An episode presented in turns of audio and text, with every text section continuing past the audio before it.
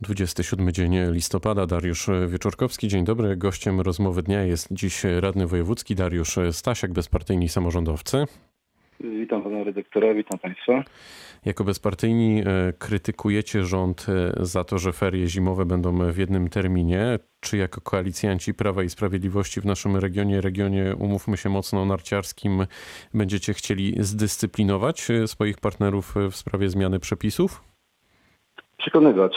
Wczoraj zaproponowaliśmy rozwiązania dla branży turystycznej oczywiście nie tylko dolnośląskiej, ale ogólnokrajowej, w szczególności powiązanej tą, y, tej części branży powiązanej z, ze sportami zimowymi, y, które zagospodarowują dzieci, młodzież, rodziny w tym okresie zimowym. E, więc oczywiście będziemy przekonywać... A widzi pan światełko w tunelu? Takie zakulisowe, korytarzowe, prywatne rozmowy każą panu wierzyć w to, że się uda? W poniedziałek y, marszałek wybierała, spotykał się zdalnie z branżą y, turystyki zimowej.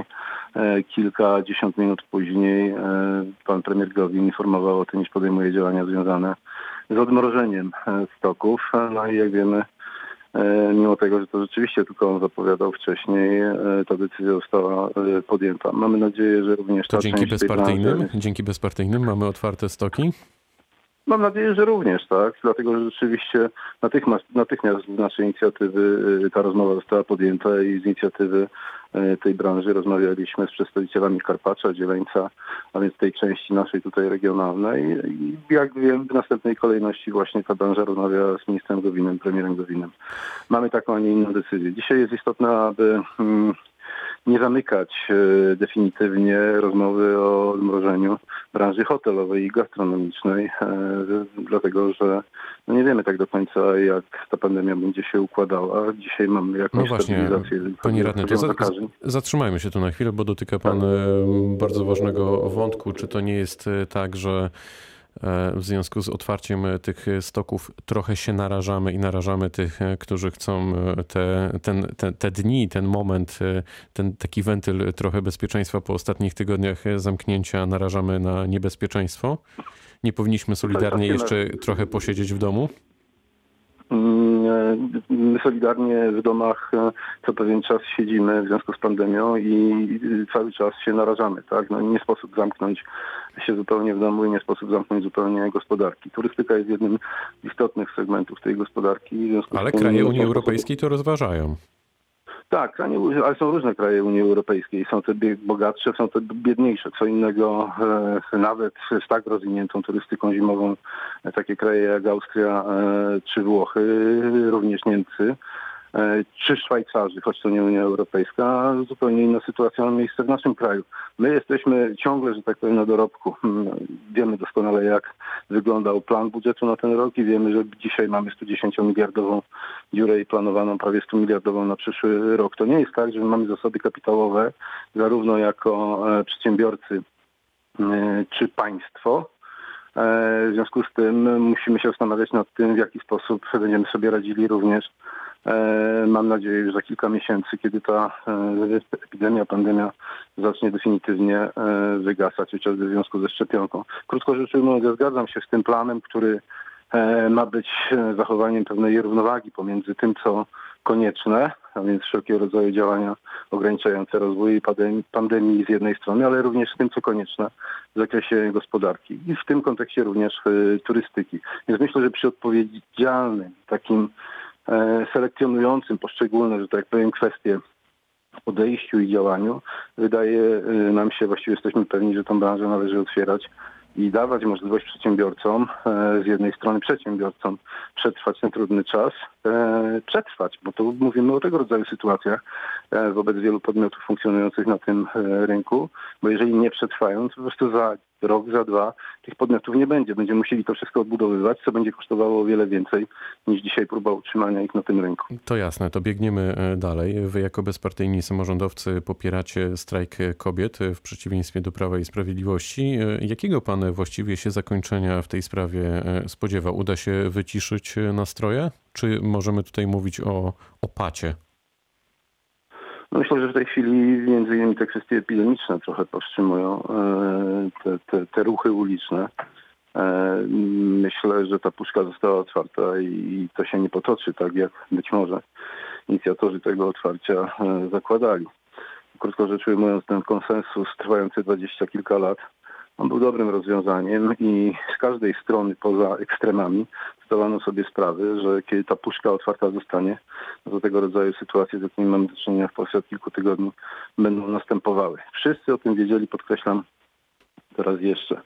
E, więc nie, nie wydaje mi się, aby ten e, ruch w pewnym sensie już społeczny, bo to nie tylko kobiety, ale przecież mają partnerów, którzy je popierają E, krótko rzecz ujmując, ten ruch w mojej ocenie nie wygaśnie, to wróci ze zdwojoną siłą, o ile e, ci, którzy inicjowali, a przede wszystkim ci, którzy są blisko inicjatorów, e, nie podejmą decyzji o zrównoważeniu tego stanu rzeczy, o przywróceniu stanu sprzed kilku tygodni, czyli sprzed wyroku Trybunału Konstytucyjnego. A jak bezpartyjni samorządowcy patrzą na e, sprawy związane z wetem rządu w sprawie powiązania unijnych funduszy z praworządnością? Czy tu Prawo i Sprawiedliwość e, może liczyć e, na wasze poparcie? My patrzymy odpowiedzialnie, to znaczy uważamy, że umów należy przestrzegać. Jeżeli rzeczywiście jest tak, że w lipcu umawiano się na coś, że dzisiaj ta umowa miała być łamana, no to wydaje mi się, że rząd, premier mają trochę racji. Tym niemniej, no tę rację też trzeba ważyć w kontekście tego, co jest po drugiej stronie tego stołu, a więc olbrzymich pieniędzy, odpowiedzialności nie tylko za, za to, co my mamy dostać, ale również odpowiedzialności za olbrzymie pieniądze, które mają być uruchomione wobec tych państw, które najbardziej w czasie tej epidemii ucierpiały. No więc mhm. sytuacja, sytuacja jest trudna. No ale polityka to negocjacje, to poszukiwanie kompromisu, więc ja mam wielką nadzieję, że ten kompromis zostanie uzyskany i że dzisiaj to, o czym mówi pan premier, czyli ewentualne weto jest bardziej właśnie tą strategią negocjacyjną niż czyli decyzją, która zapadła i jest niedozwolona. Raczej tak, tak myślę. Ostatnio e, powrócił temat podziału Mazowsza. E, czy pan jest e, za taką konfiguracją, za taką realizacją tego, żeby podzielić ten region? Ja jestem za konsekwentną, e, kolejną, czyli w tym sensie konsekwentnym, kolejnym ruchem związanym z reformą e, samorządu terytorialnego. Mamy rozwiązania, które się sprawdziły i mamy takie kwestie, które były wcześniej stawiane dosyć wyraźnie, chociażby liczba regionów E, e, której mia, których miało być mniej, a mamy więcej. Tak mówiło się 10, 11, wyszło ostatecznie 16. Kolejne dzielenie, e, w tym przypadku Mazowsza i powstanie kolejnego w pewnym sensie regionu, wydaje mi się, że jest to ruch zły. No i każdy region ma swoją specyfikę również w tym sensie, że są środowiska skupione w dużych miastach, które być może reprezentują politycznie e, inną e, ideę, inną ideologię, inne sympatie. Trzeba po prostu e, prowadzić działania zmierzające do tego, aby te różne środowiska wspierały grupy polityczne. Krótko rzecz ujmując, to powodem do podziału Mazowsza nie może być to, że taki, a nie inny wynik wyborczy w tym regionie od wielu, wielu lat, jeżeli chodzi o Sejmik Województwa Dolnośląskiego na miejsce, e, Mazowieckiego na miejsce. No właśnie, na Dolnym Śląsku raczej do podziału nie dojdzie, ale pytanie, czy nowa e, nadzieja Rafała Dudkiewicza będzie stanowić cokolwiek na tej naszej regionalnej, ale również na polskiej scenie politycznej? Mm, rozmowa o Rafale Tak myślałem, że pan westchnie. jest dla mnie o tyle trudna, że kiedyś e, z e, panem prezydentem Dudkiewiczem dość blisko współpracowaliśmy e, w ramach Stowarzyszenia Obywatelski Dolny Śląsk. Tą historię zna każdy.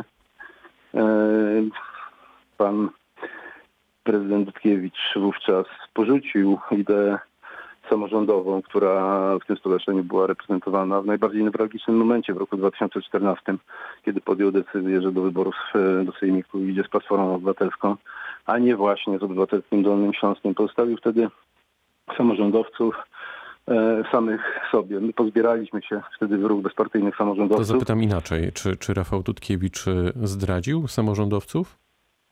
Jako samorządowiec swoją drogą? Tak, ja uważam, że tak. Tak. Stawiam to jasno, kategorycznie. Mówię to zresztą od dawna. Tak, to była zdrada. To było E, oczywiście no, w cudzysłowie mówimy o zdradzie politycznej, tak?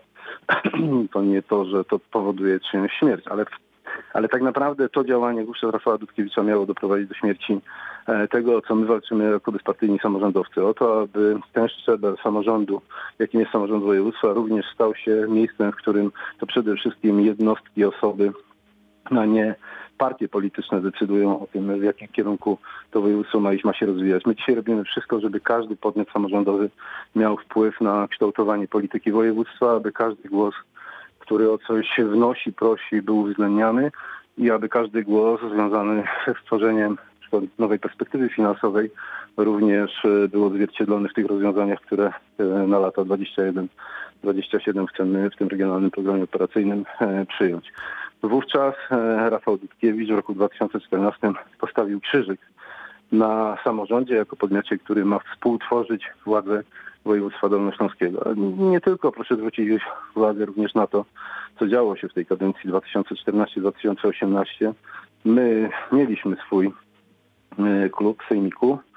E, to było czterech reprezentantów. Wówczas tak na marginesie właśnie Paweł Kukiz wszedł również do Pamiętamy. Dolnośląskiego. Tak, tak, tak.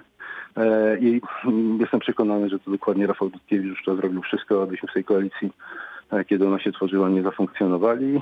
Jak również zadbało o to, aby ten krótki epizod związany z marszałkowaniem Tymoteusza Myrdy w czerwcu, do czerwca 2016 roku uległ szybkiemu e, zakończeniu. Krótko rzecz ujmując, był niezwykle konsekwentny w eliminowaniu samorządowców. E, z Czyli rozumiem że, rozumiem, że teraz to bezpartyjni samorządowcy stawiają krzyżyk na Rafale Dudkiewiczu, kończą, kończąc wątek byłego prezydenta? Ja myślę, że w pewnym sensie postawił go sam na sobie i na ruchu, jako, jakim jest nowa e, nadzieja. Mamy minutę. Mamy minutę. E, bezpartyjni samorządowcy są e, silną formacją. Jest pan usatysfakcjonowany waszą pozycją w regionie i kraju, bo zapowiadał pan strategię pod wybory, mm, budowę strategii pod wybory za te trzy lata. Przynajmniej wszystko na to wskazuje, że w 2023 roku wybory się odbędą. Gdzie wy jesteście w tej chwili? Wydaje mi się, że w bardzo dobrym miejscu. My ustalaliśmy, no, oczywiście z naszej strony, warunki umowy koalicyjnej z Prawem i Sprawiedliwością. Dzisiaj pan redaktor zadaje mi pytania, które dowodzą tego, iż idziemy swoją autonomiczną drogą i w sprawach fundamentalnych wyrażamy swoje poglądy dosyć jednoznacznie i w sposób bezkompromisowy. Jeżeli chodzi o realizację umowy koalicyjnej, ona idzie dobrze. Chciałbym powiedzieć, że bardzo dobrze, bo jest jeszcze wiele rzeczy do ustalenia i e, sformatowania. Tym niemniej wiele inwestycji, o których mówiliśmy, chociażby linie kolejowe, kwestia wyposażenia kolei dolnośląskich w Nowy Tabor, kwestie obwodnic, kwestie budowy mostów, e, również te drobniejsze kwestie jak dzielenie pieniędzy pomiędzy samorządy. Musimy kończyć. To wszystko w jakiejś mierze jest spełnienie naszych e, oczekiwań, które położyliśmy dwa lata temu w ramach tej koalicji, a dzisiaj trzy lata przed wyborami mogę spokojnie, w mojej ocenie dosyć spokojnie możemy patrzeć e, w przyszłość, bo coraz więcej ludzi widzi, że nie jesteśmy tam dla władzy, dla rad nadzorczych, tylko jesteśmy tam po to, aby polityka województwa odzwierciedlała realne interesy mieszkańców tego województwa, jak i samorządów, które, tych mniejszych samorządów, które reprezentują te interesy. No romantycy normalnie, tak bym to e, spuentował. E, radny wojewódzki Dariusz Stasiak z bezpartyjnych dziękuję. samorządowców był gościem rozmowy dnia. Bardzo dziękuję za spotkanie. Pytał Dariusz dziękuję Wieczorkowski. Dobrego dnia, dobrego weekendu.